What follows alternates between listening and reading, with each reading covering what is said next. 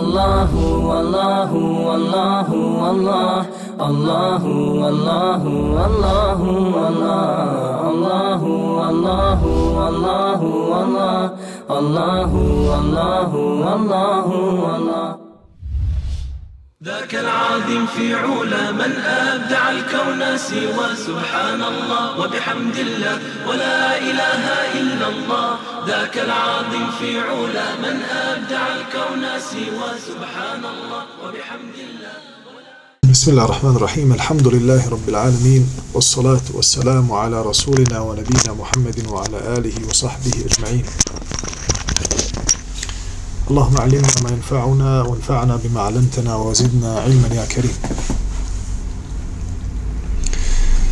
Zahvaljujemo se Allahu Đalešanuhu,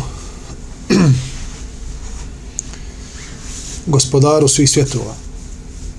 Salavat i selam donosimo na Allahu poslanika milenika Muhammeda sallallahu alaihi wa sallam na njegovu porodcu, ashabe i sve vjernike, vjernice koji slijede u dobro do sudnjega dana.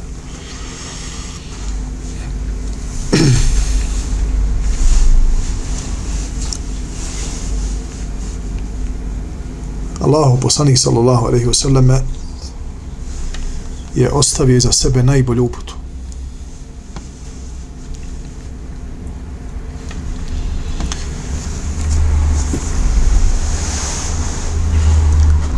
Ta uputa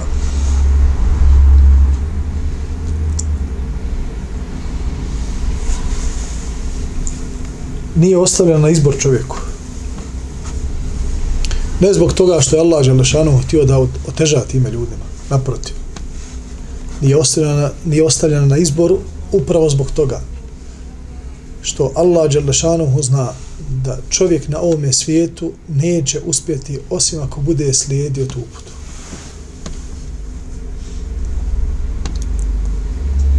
I zbog toga nije ostavljen niti jedan narod, a da Allah tom narodu nije slao uputu i poslanike zato što do sudnjega dana neće doći ni jedna generacija ljudi a da mogu reći mi smo neovisni uputi, od upute. Nama ne treba uputa. Zbog čega? Zato što je Allah stvorio ljude sa određenim osobinama. Sa određenim osobinama. I te osobine ne mogu se ukrotiti, niti se mogu usmjeriti ka dobru, osim sa uputom od Allaha Đelešana. Postoje hajvani. Je li hajvanima naređeno da slijede uputu? Nije. Postoje druga bića koja također je Allah Đelešanuhu stvorio. Neovisno sada o njihovoj veličini, ali su bića, Allah je stvorio živa bića, nije im naređeno da slijede uputu. Zbog čega? Jer nemaju osobine, karakteristike koje ima čovjek da bi zbog tih karakteristika i tih svojih osobina činili nered na zemlji ako ne budu slijedili uputu. Što znači da uputa i pravi put je ono što koristi ljudima.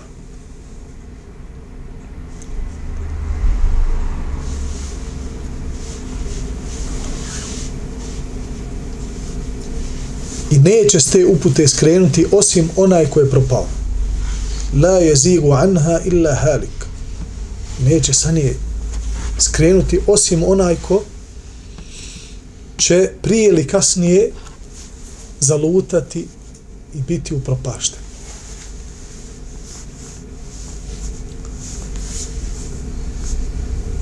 U narednom poglavlju Imam Buharija je naveo od Ibn Omara radijallahu anhu jednu njegovu izreku. Kaže Ibn Omer radijallahu anhu Inni la ad'u fi kulli shay'in min amri. Ja za sve živo dovim. Hatta an jefsah Allahu fi meši dabbeti. Čak dovim i za hod moje deve. Kao kada bi ti danas sjedavši u svoje auto, doviš Allahu Đalešanuhu da se to auto ne pokvari i da te dobro služi i da ide sigurno i brzo. Hatta ara min zalika ma yasurruni. Sve dok, znači dovim, sve dok ne vidim onome št, za što dovim, ono što me obveseli.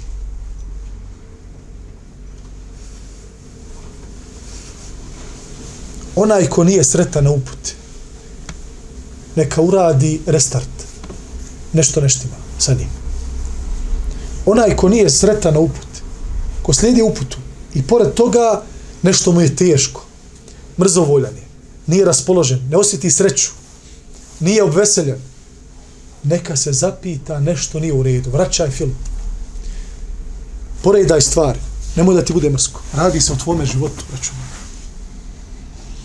Insan je čudno biće. Kad mu se auto pokvari, odma istog momenta, čim čuje krajnice, da drobe, automehančar.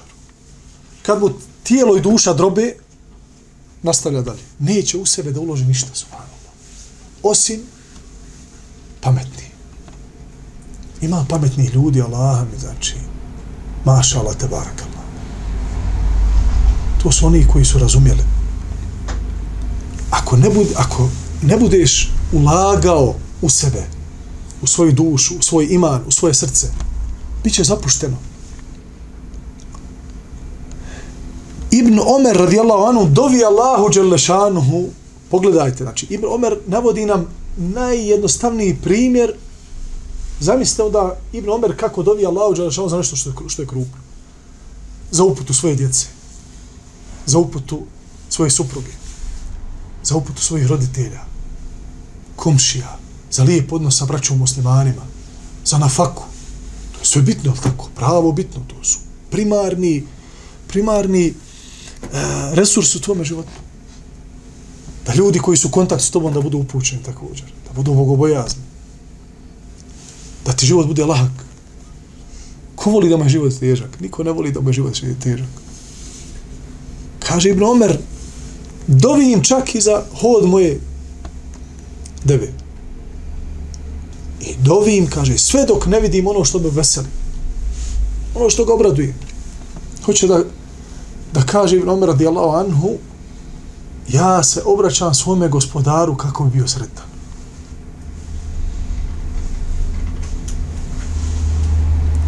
I to je obećanje Allaha subhanahu wa ta'ala da onaj ko prihvati uputu pravi put da će on biti sretan na ovom i budućem svijetu wa الذين سعدوا ففي fa fil jannati ما دامت السماوات damat wal ard illa ma sha'a rabbuka ata'an ghayra manzur a oni koji su bili sretni oni će u džennet ući, vječno će u njemu ostati. Sve dok je nebesa i zemlje, osim ako tvoj gospodar ne želi drugačije. To će biti nagrada, to će biti dar koji će neprestajno trajati. Kur'anski ajet.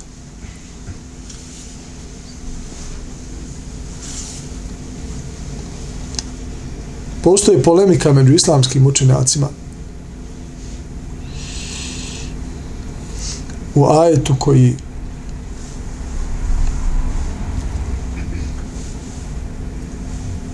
govori o džehennemu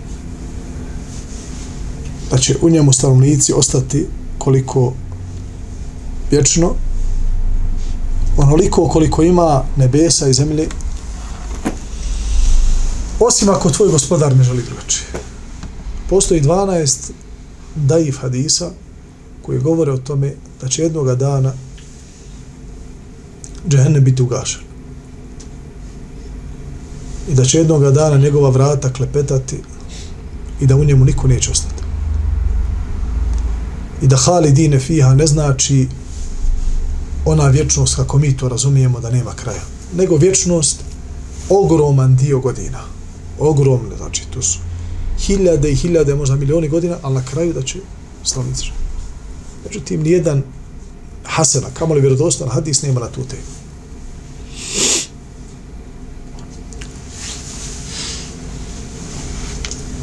Ali je čudno da gospodar svjetova, iako znamo, i svi hadisi aludiraju na to, i kuranski ajet, da će stanovnici dženeta, kada uđu u dženet, nema nikakve polemike, hoće li ostati vječno ili neće.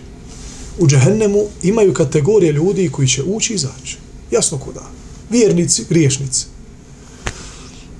muslimani koji su uradili velike grijehe, kojima Allah Đelešanu sunjemu danu neće oprostiti. Jer nekima će oprostiti velike grijehe. Neće ući u vatru. Nekima neće.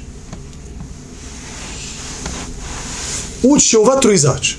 Znači, postoji ulazak u vatru i izlazak. Ali u džennet kad se uđe, nema izlazka. Niko ko u džennet uđe neće izaći. Niće požel da izađe.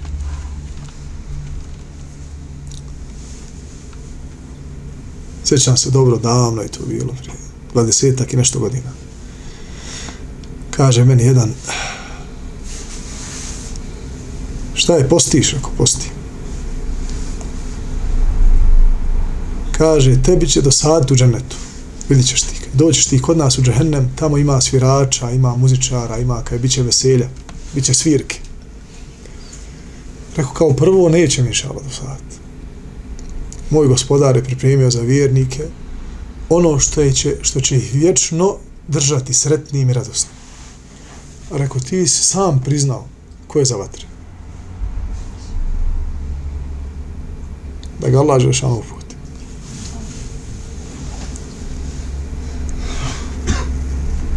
Allah žele opet kaže, ostaće vječno u džennetu, osim ako gospodar tvoj će drugačije. kažu islamski učenjaci, da bi srca vjernika, iako uđu u džennet, vječno ostala povezana sa Allahom. Da iako su ušli u džennet, iako više nema srđde, nema učenja Kur'ana, nema na file, nema ibadeta, nema te kalifa, da mu je nešto naređeno, nešto zabranjeno, nema harama, ali i dalje da vjernik svoje srce veže za gospodara svjetova Da uvijek se prisjeća da je u džennetu zbog Allahove milosti, njegove blagodati, njegovog fadla.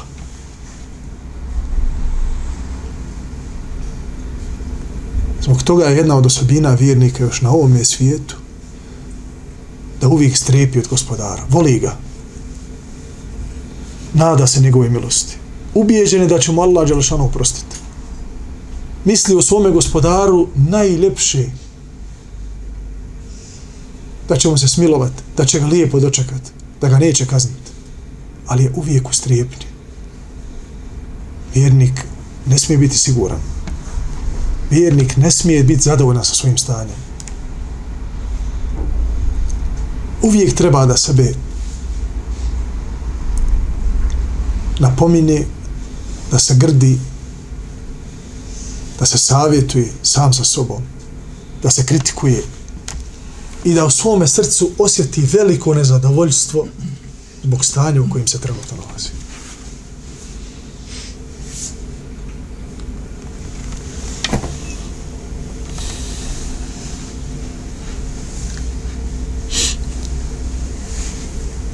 Od Ibn Omerovog babe, Omer radijallahu anhu, se prenosi da bi znao reći često Allahumma tawaffani ma'al ebrar gospodaru, usmrti me u društvu ebrara. Ebrar to je najveći stupan dobročinstva. To su ljudi koji kada se pojave negdje, njihova pojava ostaje zabilježena u pozitivnom smislu. Ako su ljudi žedni, oni ih napoje. Ako su ljudi gladni, oni ih nahrane. Ako su željni savjet, oni ih nasavjetuju. Ako treba nekome pomoći, oni su u pomoći. Ako treba nekome biti podrška, da uspije u nečemu, oni su podrška. To su ebrar. Gdje god se pojavi u hajrusu. Ako neko nema, oni su tu da, da pomogu. kaže Omer, Allahu moj, usmrti me sa njima. Uahlufni fil ašrar, udali od mene zlobne, loše ljude. Nemoj da budu blizu mene. Omer kaže, nemoj da budu blizu mene. Što znači da će uvijek biti zlobni ljudi. I uvijek će biti loši ljudi. I nemoj misliti o mu'mine da su svi ljudi na hajru. Budi oprezan, budi oštruman. Ne daj se prevariti. Vjernik je oštruman. Vjernik kada, kada pogleda, gleda Allahovim svjetlom. Nije naivan. I čuva se. Čuva se komu jede i sofre. Čuva se ko sa njim dijeli dan i noć. Čuva se da ne upadne u loše društvo. Takav je vjernik. Oprezan. Bira sebi društvo. وَأَلْحَقْنِي بِالْأَخْيَارِ bil akhyar i daj mi da budem od onih koji su dobri Omer počinje sa dovom u kojoj se nalazi smrt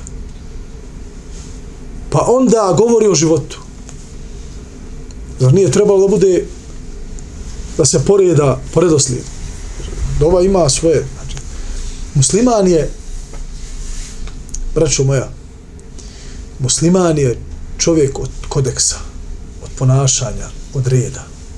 I tome nas uči islam od A do Ž. Kada redamo saf, jel tako, mora da bude pod konac. Redaju se pete. Znači sve se zna u bobu. Zašto se redaju peta, ne prsti? Pogledajte kod nas u Bosni. Kod nas u Bosni na crta, ako ima crta u džamijama, često ima, za redanje safova.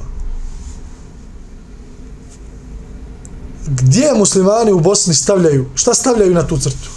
Stavljaju vrhove svojih prstiju. To je pogrešno. Otičite u neke zemlje gdje ljudi još više vode računa o safovima. Šta stavljaju na te crte svoje pete? Zašto je preče staviti petu nego prste? Zato što se naše noge razlikuju u veličini. Nekom je broj 46, nekom je 48, nekom je 40, nekom je 35. Pa ako posafamo prste da su ravni, ha? prsa će nam biti različita. A osnova, znači, osnova u safu je da rame bude u pravcu ramena i prsa, prsa u pravcu prsa. Pa tako onda noge. Postoji razilaženje kod sastavljanja nogu, ali ne postoji razilaženje među fekihima sastavljanja ramena. Postoji. Mora biti rama. Ako sastaviš prste, neko će otići naprijed, pošto su mu kraće noge, neko će nazad. I onda će ovamo doći do disbalansa. Ako se naslone pete na, na, na crtu koja će biti pozadi, ostavit ćemo iza, naslonit ćemo svi pete, onda ćemo prsima svi biti ravnopravni. Naravljaju se prsti, nismo u vojsci, nego se ranjaju pete zato što smo u safu pred Allahom. Sav taj, znači pogledajte sklada, pogledajte koliko, koliko se vodi u tančine e,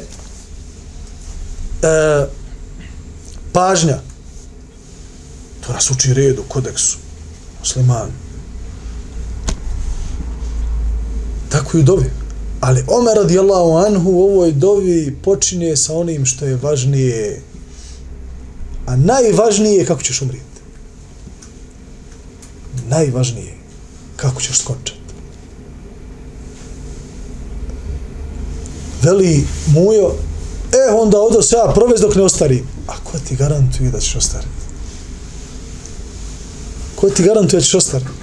Ko ti garantuje da kada uđeš u auto, i kreneš sa čaršije prema Iliđe, da ćeš ostati živ. Pa kaže, sigurno ću voziti fino, polako. Ko ti je rekao da ćeš ti pogriješiti? Neko će drugi pogriješiti sa obraćaju i usmrtit će te. Omladinac, 26 godina, zdrav kodran, vjernik čovjek, zaspo iza jacije, probudio se, nije se probudio na sabah. Ovdje kod nas. 26 godina. Drugi isto, 25-26 godina, ni oženjen nije bio, momak. Sportom se bavio, vjernik isto. Nije pio, nije pušio, zdrav život živio, pametan momak, fakultetski obrazovan. Pošao na kućna vrata, na pragu preselio, samo pao. Nije ustao više. Kaže, to je medicinski fenomen. Nije, brate moj. Onoga trenutka kada su meleci udahnuli dušu, upisali su mu četiri stvari. I meni, i tebi, i njemu, i svim ljudima na ovome svijetu. Između ostalog, eđaluhu, kad će preseliti? A kaže, ali nije bio bolestan. Nema veze. Nema veze što nije bio bolestan. Melek smrti kad odvoji dušu od, od tijela, srce prestaje da radi.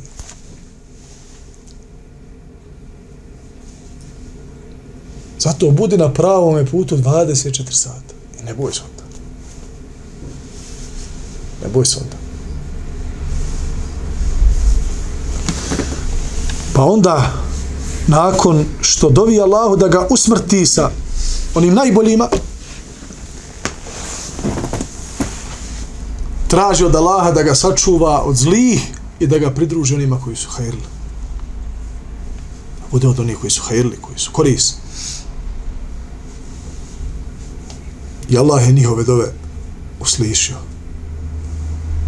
I mi smo dokaz da je Allah njihove dove uslišio. Jer je Omer i slični ashabi njemu zbog svoje ustrajenosti, svoga znanja i želje da prenesu znanje na naredne generacije i da odgoje generacije koje će doći iza njih i tabijine i ostale bereketom toga Allah Đelešanu je dao da je istina ustrajala i da će ustrajati od sudnje, ustrajati od sudnjega dana jer se proširiti u cijeloj zemlji.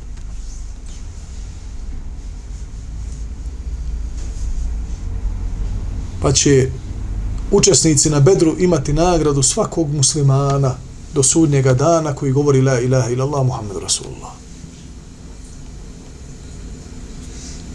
Kaže poslanik sallallahu alaihi wa sallame ko ukaže na dobro kao da ga je učinio. Ko ukaže na dobro kao da ga je učinio.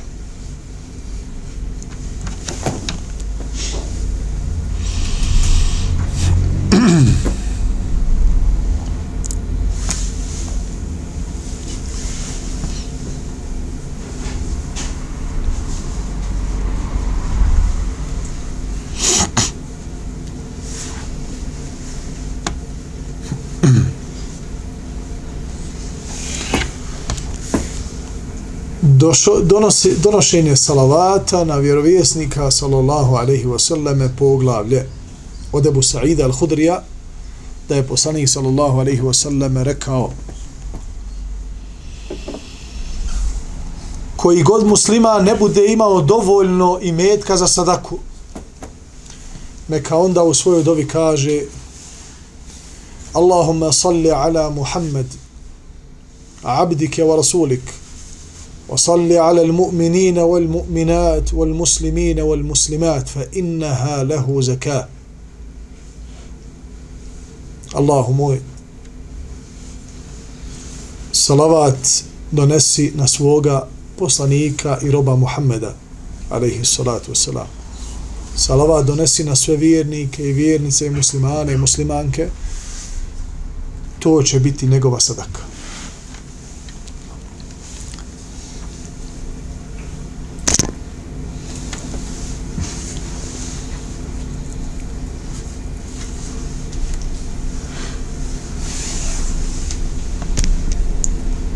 Od Enes ibn Malika se prenosi da je poslanik sallallahu alaihi wa sallam rekao Men salla alaije wahide sallallahu alaihi ašra wa hatta anhu ašra khati'at Od Enes ibn Malika se prenosi da je poslanik sallallahu alaihi wa sallam rekao u hadisu koji bileži imam Nesai u svome sunanu. Ko na mene donese jedan salavat Allah će na njega donijeti deset salavata i poništiti mu deset grijeha. Zapamćeno je i zabilježeno od naših selefa, od prvih generacija muslimana, da kada bi imali neki veliki problem, veliko iskušenje.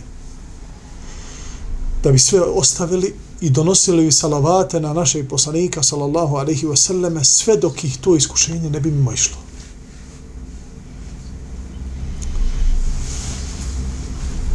Šehhul Albani rahimahullahu ta'ala.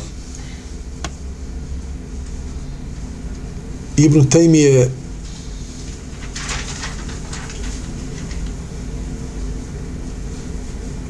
naslovi jedno cijelo poglavlje o tome o vrijednostima salavata na poslanika ali salatu u kome navode hadis od Ubejara radijallahu anhu da je došao kod poslanika ali salatu wasalam pitao ga koliko salavata da donosim na tebe ja Rasulullah to jeste od ukupno mojih dova i ono što ja spominjem za hajr svoga dunjalu ahireta koliko od toga da ostavim za salavate na tebe. Pa je rekao Allahu poslaniče. Šta misliš, je li dovoljno da četvrtinu svojih dova uput usmjerim tebi? To jest donošeći salavate na tebe. Kaže sallallahu alaihi wasallam, to je dobro. Ali kada bi povećao, bilo bi još bolje. Pa je rekao Allahu poslaniće, a šta da pola svojih dova koje ja dovim inače da uputim donošeći salavate na tebe kaže sallallahu alaihi ve sellem hajra dobro, ali ako bi povećao bilo bi još bolje Allahu poslanik prvoga upućuje ne želi da ga optereti sa nečim jer Allahu poslanik ako mu rekao uradi to i to šta se onda desi? A, postaje nešto vađivo. Ne želi da oteža umet. I vidjet ćete u svim momentima kojima Allahu poslanik, alaihi salatu wasalam, je mogao da ne oteža svojom umetu, što nije bilo direktno naredbo od Allaha da je nešto vađibom, ne bi to, alaihi salatu wasalam, učinio vađibom. Dokaz je hadisom i svaku. Leula en ešuqa ala ummeti la amartuhum bis sivaki 'inda kulli salah. Da se ne bojim da ću otežati svome ummetu, naredio bi im isvak kod svakog namaza. U drugom rivajtu kod svakog abdesta. A kaže Aisha radijallahu anha, što prenosi se vjerodostojno kod Buhari i kod muslima, nikada Allah, poslanik sallallahu alaihi wasallam, nije imao ispred sebe dvije stvari, a da nije izabrao ono što je lakše, osim ako je bio haram. Ako bio, kaže, haram, kane eba'da nasi minhu. Ako bio haram, to bio najudaljeniji čovjek od toga.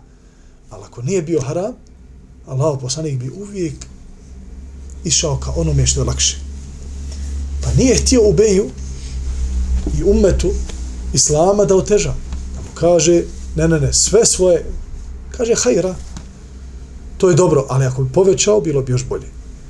Hoće da mu to ostavi u, u izboru, ali daje mu i šaret, a sahabi su bili pametni. Najpametniji ljudi umeta su ashabi, moje. naj, najuštrumniji, najbogobojazniji, najbolji ljudi koji su kročili zemljom nakon poslanika su bili ashabi. Radi Allahu anhu među'in. Kaže Allahu poslaniče, dvije trećine salavata, jedna trećina samo za moje dove. Da mi Allah oprosti da me sačuva iskušenja, da ono iskušenje što mi dođe u tom trenutku kada ja dovim, da makar s onom jednom trećinom dova uputim Allahu Đelešanu da mi otloni to iskušenje, da mi olakša kaže sallallahu alaihi wa sallam hajra, to je dobro ali ako bi povećao bilo bi još bolje kaže u Allaho Allahu poslaniče sve svoje dove sve što dovim Allahu Đelešanuhu želi da uputim da to budu salavati na tebe. Sve svoje vrijeme da potrošim na to. Cijeli ovaj hadis nas upućuje na nešto. A to je jedna stvar da u Beji stalno ponavlja Allaho poslaniku neke procente. Allaho poslaniće dvije trećine, pola, jedna trećina. Što znači da je Ubej imao dove koje je stalno činio Allah. Bilo mu loše, bio iskušan, ne bio iskušan. Imao je svoje virdove. Stalno, znači imao je svoje vrijeme, određeno vrijeme, koje uloži u dovu. Ko želi da mu Allah olakša u poteškoći, nek se sjeća Allaha u lahkoći. Kao što je došlo od Ibn Abbas radijallahu u poznatom hadisu Ja gulam, inni uallimu ki kelimat. Kaže sallallahu alaihi wasallam kada ga je čuo, to je htio da čuje na, na početku, ali nije htio da mu učini vađbom. Kaže sve svoje dove usmjeri ka tome svoje, svoje vrijeme donoseći salavate na mene. Kada je čuo to što je htio od njega na samom početku, idan, kaže sallallahu alaihi wasallam, ako budeš uradio tako, idan, yughfaru dhanbuka wa yuqda hammuk ako to budeš radio bit će ti oprošteni svi grijesi i svoje tvoje poteškoće će biti uklonjene. Sva tvoje iskušenja. Zbog ovog hadisa zabilježeno da su prvim generacija muslimana učenjaci kada bi im došla teška iskušenja sjeli bi i ne bi Allahu govorili gospodaru, otkloni mi to iskušenje.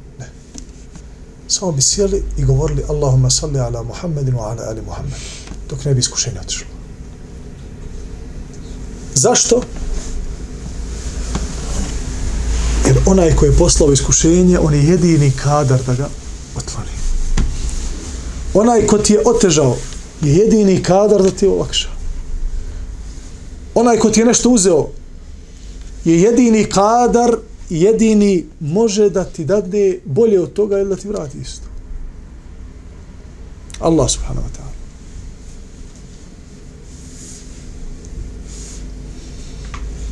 Tako da, ako bi to bila praksa nekog od nas, da često donosi salavate na poslanika sallallahu alaihi wasallame, to je bio veliki hajr za njega la sijama pogotovo petkom. Od akšam namaza, četvrtak na večer, pa sve do akšama narednog dana.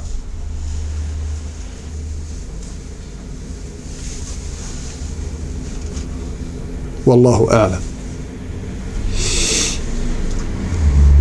Zatim je Imam Buharija naveo sljedeće poglavlje o nedonošenju salavata na našeg poslanika, ali i salatu wasalam, u poznatome hadisu kojeg Džabir, radijallahu anhu, prenosi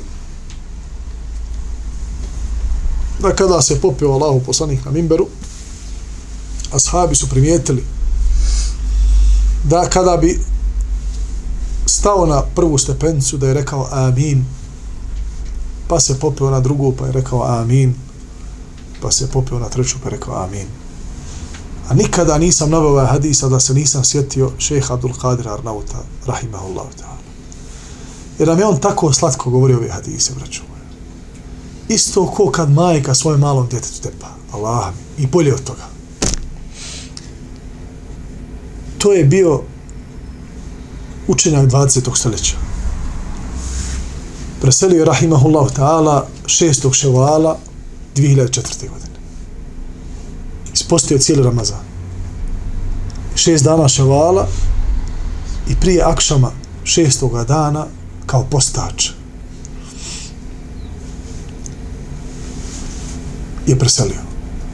Kaže mi njegov sin Abdul Kadir kaže, zovnili smo, bilo sam na poslu. Hajde, kaže, kući brzo, trebaš nešto, kaže, nešto je se babi desilo. Nisu htjeli da mu kažu preko telefona. Kaže, pa sam brzo do, došao kući. Pustili su me da uđem kod babe kaže, bio, ležao na svome krevetu.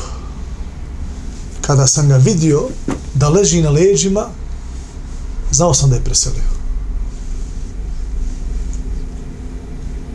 Pitate se zašto? Ja sam se pitao Kaže, zato što moj babo nikada nije ležao, a da nije ležao na desnoj strani i njegov dlan bio pod njegovim, pod njegovom glavom.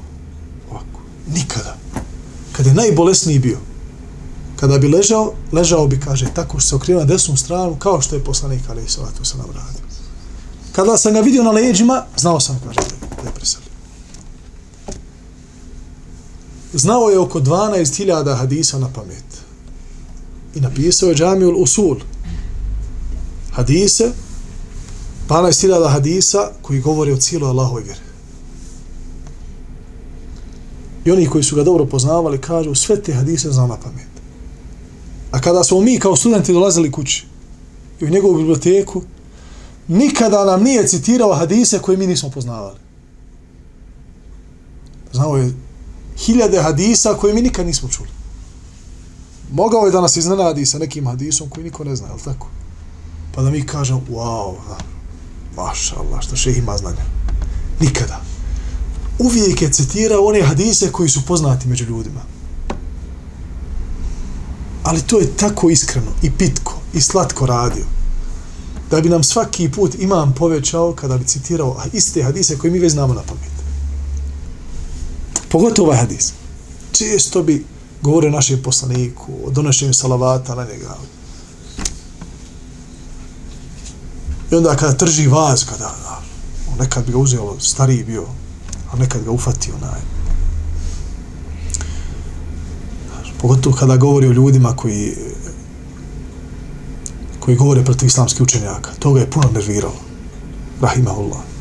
Puno ga je to nerviralo. Ništa ga nije nerviralo, kao što ga je nerviralo ljutilo to što ljudi govore protiv šehova, protiv alima, talibi, studenti koji govore o nekim učenjacima koji su preselili da nisu bili na ispravnoj akid, da nisu imali, da su imali u svojim vjerovanju ovoljeno. Tako bi se naljutio, Allah.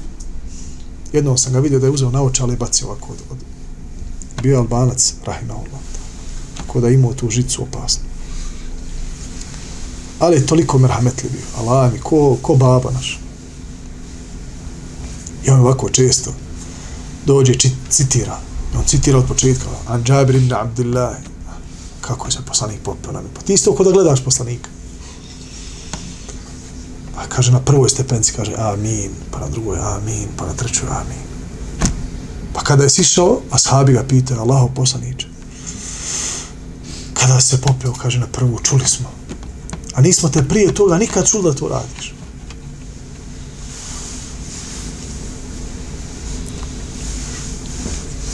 Pa je sallallahu alaihi wasallam rekao došao mi je Džibril pa me je sreo na prvoj stepenci i rekao neka je daleko onaj ko dočeka Ramazan izađe sa njeg, iz njega Allah mu nije oprostio. Neka je daleko neka je nesretan. Kaže šekijun abdun edrake Ramazan nesretan je onaj neka bude nesretan. Pa se rekao amin. Pa kaže, zatim je rekao, neka je nesretan i daleko onaj rob ko dočeka starost oba ili jednog od roditelja, a to ga ne uvede u džennet. Pa sam rekao, amin. Jer nema puta lakšeg kao ostvarivanju Allahovu zadovoljstva do dobročinstva prema svojim roditeljima. Jer dobročinstvo prema roditeljima je prirodni nagon zdravog čovjeka. Od pokvarnog čovjeka nemojte ništa očekivati. To je, to je Allah dao iste korok trajanja i Allah sačuva. Nema odgoja. Galami na babu, galami na majku. Osor. To je rok trajanja. Kuća mu daleko bila. Ja govorimo o zdravim ljudima. O muslimanima. O momcima i djevojkama koji su odgojeni u islamu, koji svoje srce predali Allahu Đelešanu. Najlakši put do Allahu zadovoljstva je da svoje majice fino progovoriš, da je iznenadiš, da je pokloniš nešto. Majka to voli. A, pa kaže, nije ona više mlada, ne voli ona ukras, ne voli ona ko. Oči su, braćo, povezane sa dušom, sa srcom koliko god da si star, evo, onaj ko ima 30-40 godina, to su ne tvoje oči. I ono tvoje naslađivanje prije 10 godina i sad očima. To što ti ne možeš nešto svojim rukama i nogama, to je drugo. Što stariš. Ali u duši, u očima, u srcu ti si isti, ti su najmladić. Ako imaš 50 godina, ti su najmladić od 20 godina. I tako tvoja majka voli da neki novi ukras, neki novi nakit. I Allah nam je dao da je to jedan od najznačajnijih puteva do ostvarivanja Allahu zadovoljstva, a uklapa se u prirodu zdravog čovjeka da bude fin prema svojim roditeljima. Pa makar ne bio vjernik. A vjernik ako to uradi radi Allaha, ima nagradu.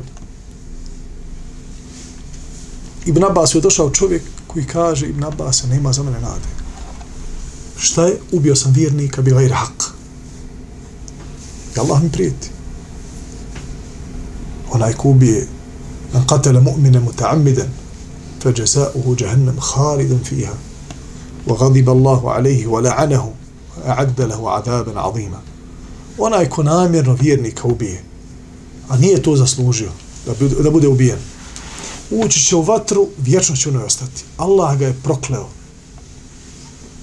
i pripremio je za njega žestoku patnju.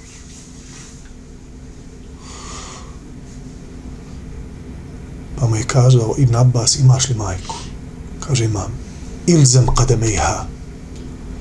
Ako išta može da promijeni tvoj status kod Allaha je to, kaže, što će se vezati za njene tabane, za njene noge. I nemoj odlaziti od nje. Hizmeti joj dok ne preseli. To ti kaže. Ono što ja znam od Islama, Allah u poslanih za njega kaže Bahrul umme. Pero ovoga umeta. Znači, okean znanja.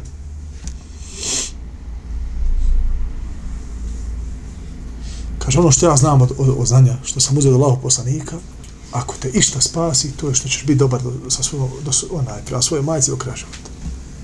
Mimo toga, hiljada rekiata kod Kaabe, vrišti, plači, ubio si vjernika, vi. Krupna stvar, Allah. Ali kaže, ti kod majke.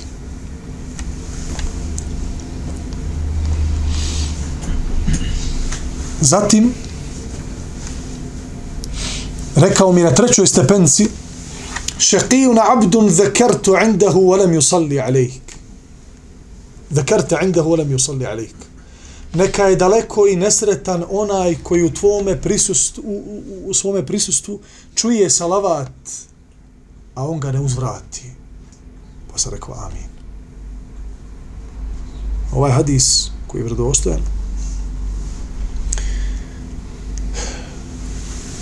govori o važnosti donošenja salavata našeg poslanika sallallahu alaihi wa sallam i na rahmet koji je Allah Đelešanuhu dao s time što je poslao našeg poslanika u umetu i to, to je Allah Đelešanuhu spomenuo u Kur'anu kada je rekao وَمَا أَرْسَلْنَاكَ إِلَّا رَحْمَةً لِلْعَالَمِينَ mi smo te o Muhammede poslali kao milost svim svjetovima Allah subhanahu wa ta'ala molimo da nam oprosti, da nas smiluje, uputi na pravi put i da odemo sa ovoga svijeta, a on subhanahu wa ta'ala zadovoljan sa nama. Aqulu qavli hada wa astaghfirullahi li wa lakum subhanaka Allah bihamdika shadu an la ilaha illa anta astaghfiruka wa atubu ilaik. Mm.